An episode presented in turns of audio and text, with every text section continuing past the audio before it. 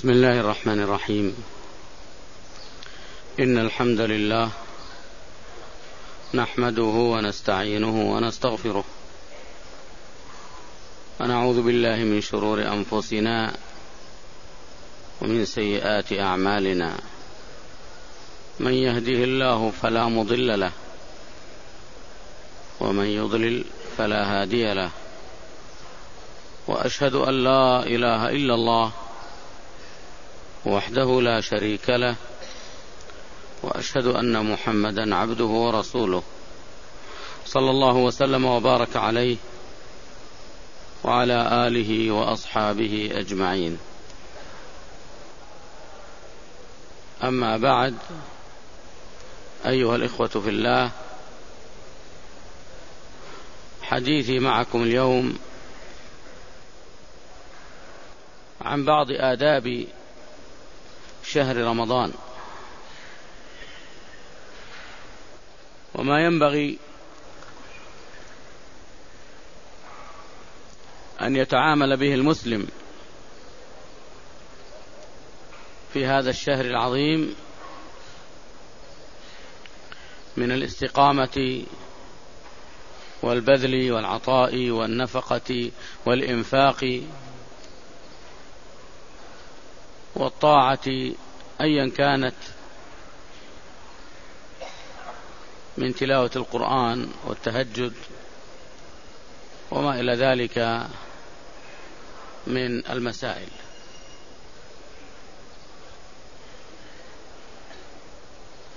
وأول تلك الآداب أن يصومه المسلم احتسابا لا عادة.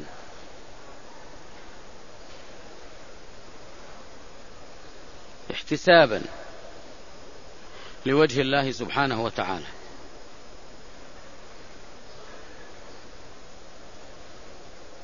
قال رسول الله صلى الله عليه وسلم من صام رمضان ايمانا واحتسابا غفر له ما تقدم من ذنبه. من صام رمضان من صام رمضان إيمانا واحتسابا غفر له ما تقدم من ذنبه. فينبغي أخي المسلم أن يكون المقصود بالصوم وجه الله.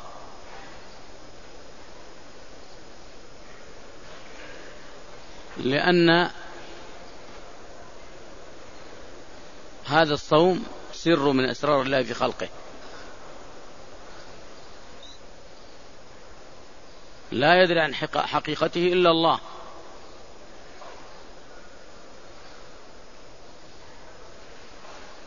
سر بين العبد وبين ربه.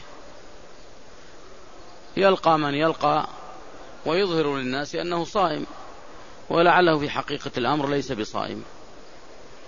ولذلك فإن الذي يصوم احتسابا لوجه الله لا يعلم حاله إلا الله فإن ذلك هو شأن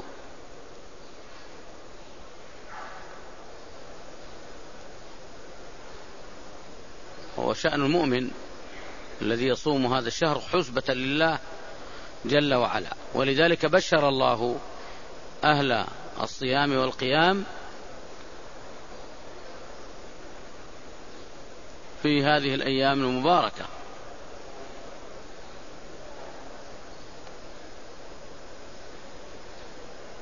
ولذلك لم يحدد لم يحدد الله لها مقدار معينة من الأجر. بينما نجد بقية الأعمال قد تكون الآجال قد تكون محددة. قال رسول الله صلى الله عليه وسلم يروي عن الله جل وعلا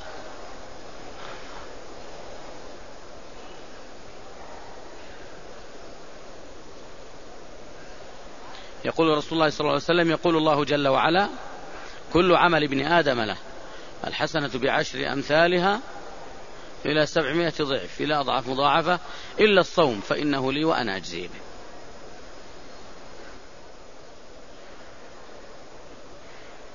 فإنه لي وأنا أجزي به.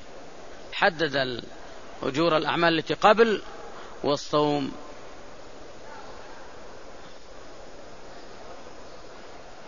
جعل أجره عظيما لا يقدر بقدر.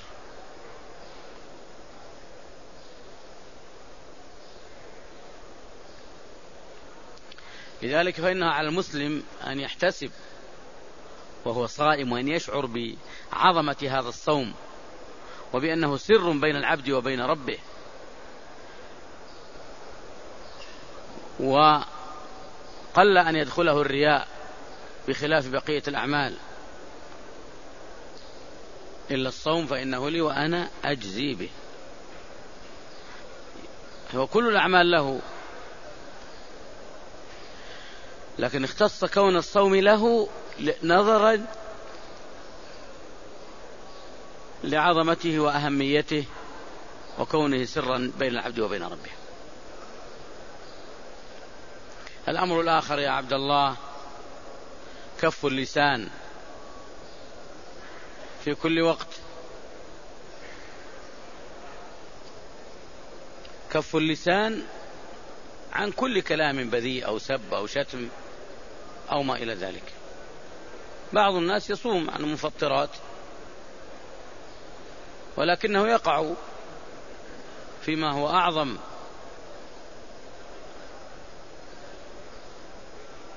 فيما هو أعظم.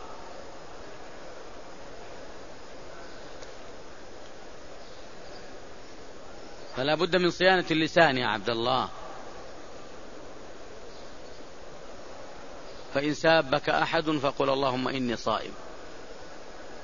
ولذلك يقول النبي صلى الله عليه وسلم من لم يدع قول الزور والعمل به فليس لله حاجة في أن يدع طعامه وشرابه.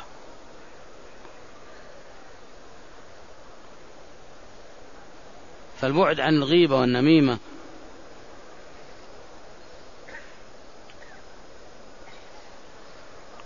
والبعد عن الكلام اللسان الذي يوقع صاحبه في الهوان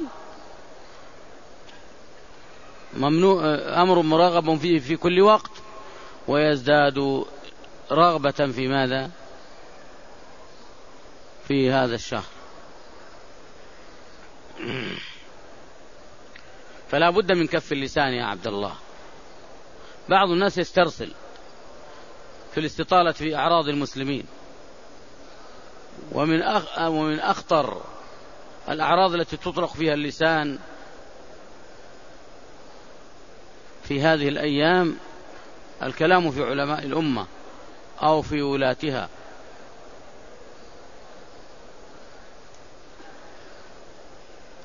فإن هذه من علامات أصحاب البدع. فعلى المسلم أن يصون لسانه وأن يكفه وأن يستخدمه في طاعة الله عز وجل وأن يصونه بذكر الله فإن الذكر ينقيه وينظفه ويربط القلب به. ولذلك كانت من أعظم وصايا النبي صلى الله عليه وسلم لا يزال لسانك رطبا بذكر الله. إذا لا بد من كف اللسان يا عبد الله خصوصا بالنسبة للصائم. أما الاستطالة في عرض أخيك المسلم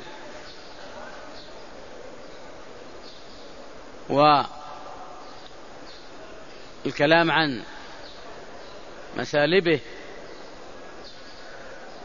أو ما توصف بأنها معايب فهذا لو, ذهب لو نظرنا إلى رأي بعض الأئمة لوجدنا أنه يفطر. ابن حزم رحمه الله يفتي بأنه يفطر. الكذب والغيبة والنميم وما إلى ذلك. ولكن الصحيح ما عليه الجمهور أنه يأثم إثما عظيما.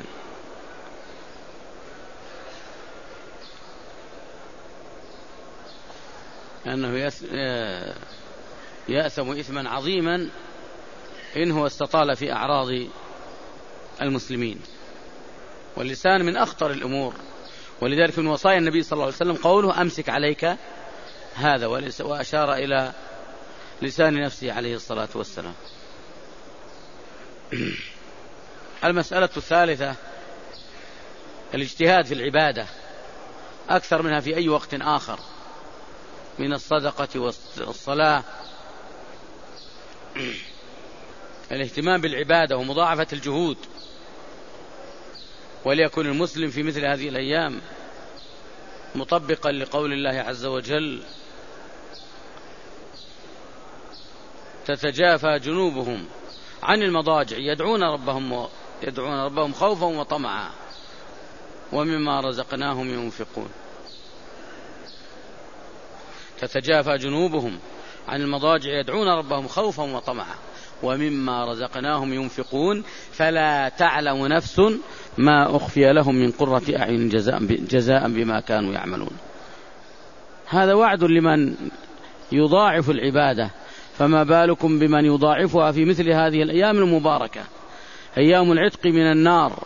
فإن لله في كل ليلة عتقاء من النار.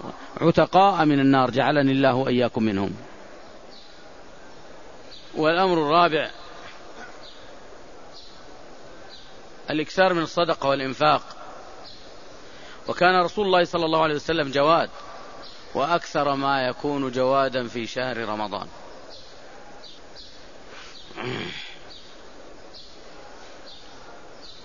ولذلك ينبغي لنا التأسي به بالإنفاق في سبل الخير ومد يد العون للمحتاجين والفقراء والعطف على المحتاجين والفقراء. وتفقد أحوالهم ومواساتهم. والأمر الخامس يا عبد الله الحرص على تلاوة القرآن بالطريقة الشرعية.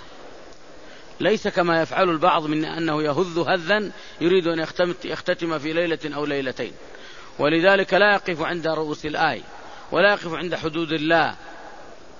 فالعناية بالقرآن الذي نحن في شهره شهر رمضان الذي أنزل فيه القرآن هدى للناس وبينات من الهدى والفرقان. فالمطلوب أن تتلوه بتأمل وتدبر. إن مررت بآية رحمة سألت الله من فضله. وإن مررت بآية عذاب استعذت بالله من ذلك. حتى ولو في الفريضة على الصحيح. فالقرآن يأتي شفيعا لأهله يوم القيامة. أو حجة عليهم. ولذلك يقول النبي صلى الله عليه وسلم والقرآن حجة لك أو عليك. والقرآن حجة لك أو عليك. فينبغي أيها الإخوة أيضا أداء عمرة في رمضان تعدل حجة مع رسول الله صلى الله عليه وسلم. فينبغي أن نحرص على هذا الفضل. فيجب أن نحرص على هذا. وأن نجتهد في ذلك حق الاجتهاد. لعل ذلك يكون كفارة عنا كما أخبر النبي صلى الله عليه وسلم. يقول عليه الصلاة والسلام حجة عمرة في رمضان كحجة كحجة معي أي مع رسول الله صلى الله عليه وسلم. ولا يعني هذا أنها تكفي عن الحجة.